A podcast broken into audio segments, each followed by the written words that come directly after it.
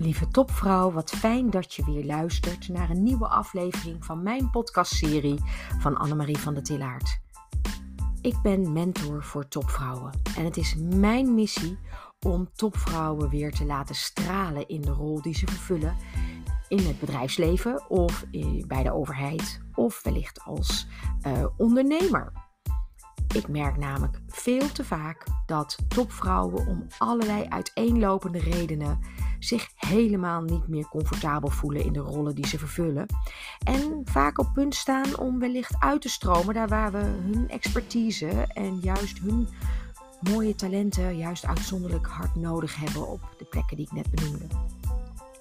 Dus vandaar mijn missie. En in mijn podcastserie geef ik regelmatig het podium ook aan deze topvrouwen.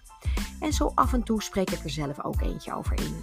En vandaag is er weer eentje in de laatste categorie. En deze gaat over, ja, in welk team zit jij nou eigenlijk? Dus hier komt hij.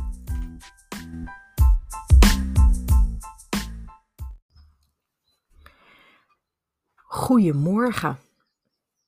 Het is maandagochtend. Het is nog redelijk vroeg. Maar ja, zoals je van mij weet, ben ik eigenlijk altijd heel vroeg. En daarbij is het ook vreselijk koud. Ik kom net van buiten en ehm, ik ben echt nog even aan het narillen uh, met een kop thee. En terwijl ik net buiten liep, bedacht ik dat het stuk wat ik gisteren heb geschreven, waar ik heel veel DM'tjes op heb gekregen, uh, dat ik daar misschien eens een podcast over op moest nemen. Ik heb gisteren namelijk een stukje geschreven over het team waar je in zit. En wat ik daarmee bedoel is, zit jij in je primaire team of speel je eigenlijk stiekem mee met je secundaire team? En dit onderwerp, daar schreef ik gisteren natuurlijk niet voor niets over. Dit onderwerp is eigenlijk sinds begin dit jaar soort van een thema aan het worden. Merk dat ik in de gesprekken die ik voer met de vrouwen die ik ontmoet, ik steeds vaker Ehm, tot de conclusie kom dat ze in het verkeerde team spelen. En om een hele korte analogie naar de sport te trekken, ehm, wat niet echt mijn uh, core business is. Ik hoef jou niet uit te leggen wat het betekent als een topsporter niet zijn focus heeft op zijn primaire team, maar op een ander team.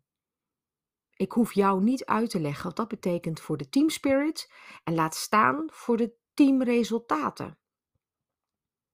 Maar trek die analogie nou eens door naar het zakenleven en de conclusie is dezelfde.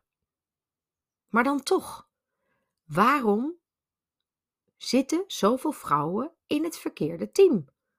En weet je, voor vrouwen mag je ook van mij net zo goed mannen lezen. die vraag krijg ik namelijk heel vaak. Goh, zou jouw programma niet ook net zo hard voor mannen kunnen werken? Vast en zeker.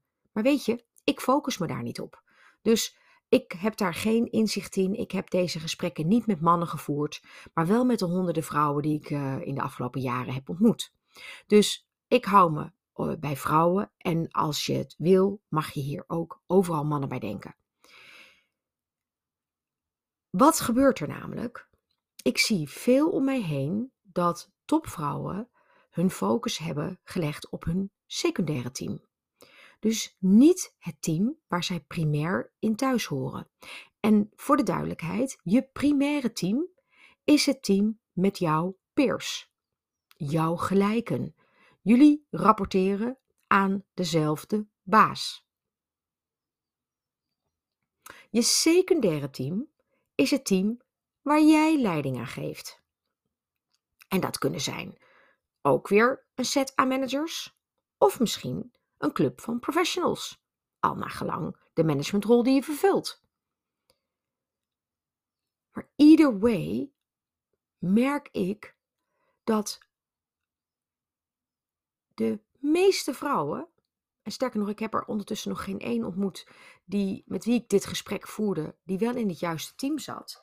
Maar ik merk gewoon dat de meeste vrouwen zich niet thuis voelen in het primaire team. Ze voelen zich daar onveilig. Ze voelen zich daar ongehoord, niet gezien. Alles wat je niet kunt hebben bij de vorming van een team.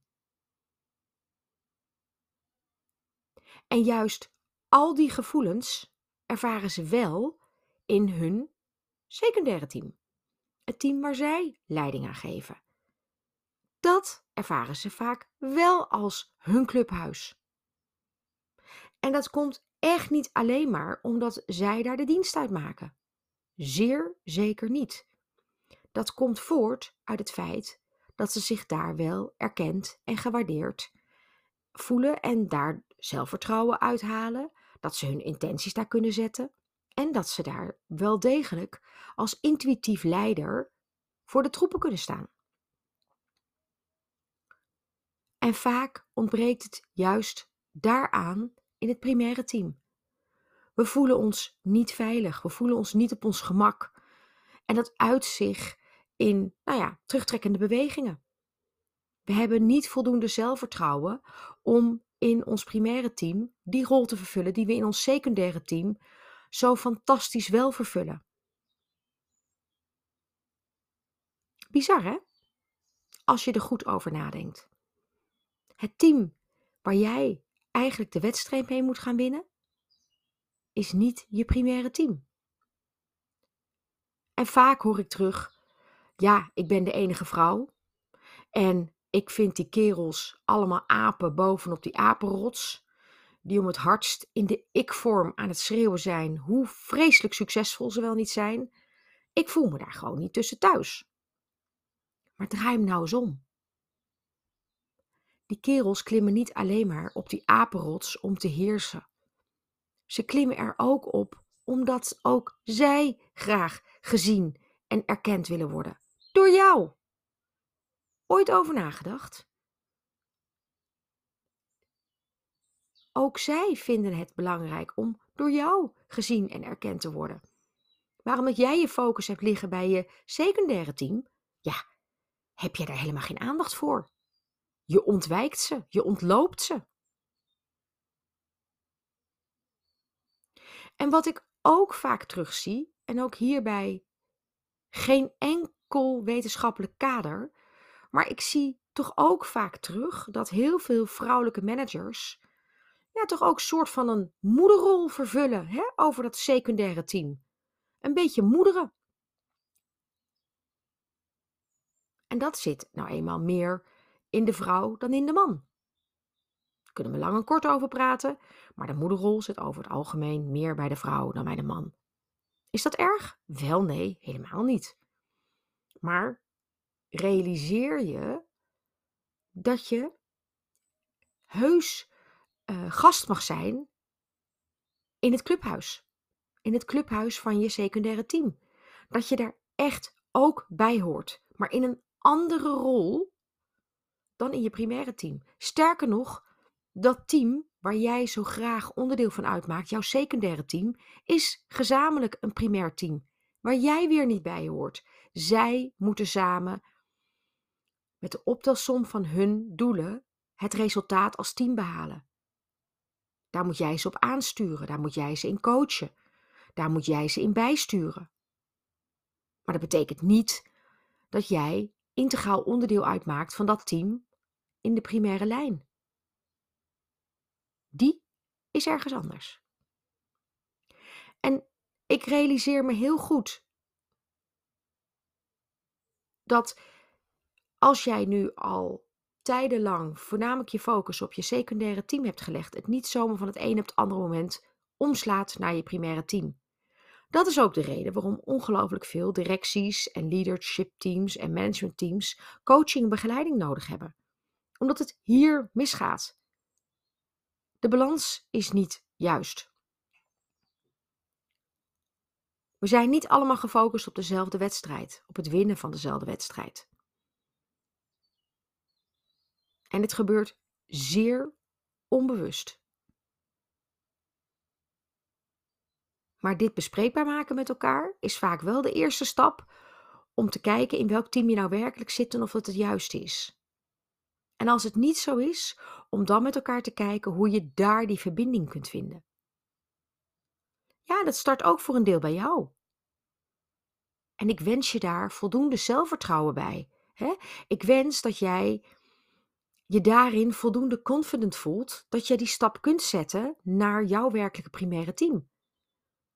Dat jij voldoende vertrouwen voelt in jouw leiderschapskills om die rol te kunnen vervullen.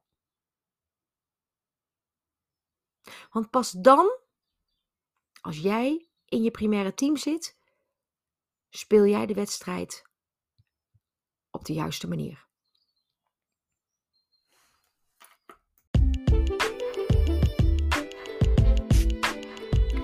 Heb je na het beluisteren van deze podcast misschien ook wel zin om een keer met mij in gesprek te gaan over nou ja, in welk team jij zit? Of heb je wellicht een totaal andere mening dan ik hierover? Nou, stuur me dan eens een DM'tje. En als je interesse hebt wat ik wellicht voor jou zou kunnen betekenen, dat jij met kracht, energie en zelfvertrouwen in jouw primaire team kunt staan, kijk dan even op mijn website www.annemarievandentillard.com en plan gerust een vrijblijvende afspraak in. Ik kijk er naar uit. En nu je toch hebt geluisterd deze podcast, ik zou het enorm waarderen als je mijn podcast zou willen uh, voorzien van een review. En dat kan zowel in Spotify als in de Apple Podcast app. Door even te klikken op de sterren. En ja, vijf sterren zou ik natuurlijk fantastisch vinden.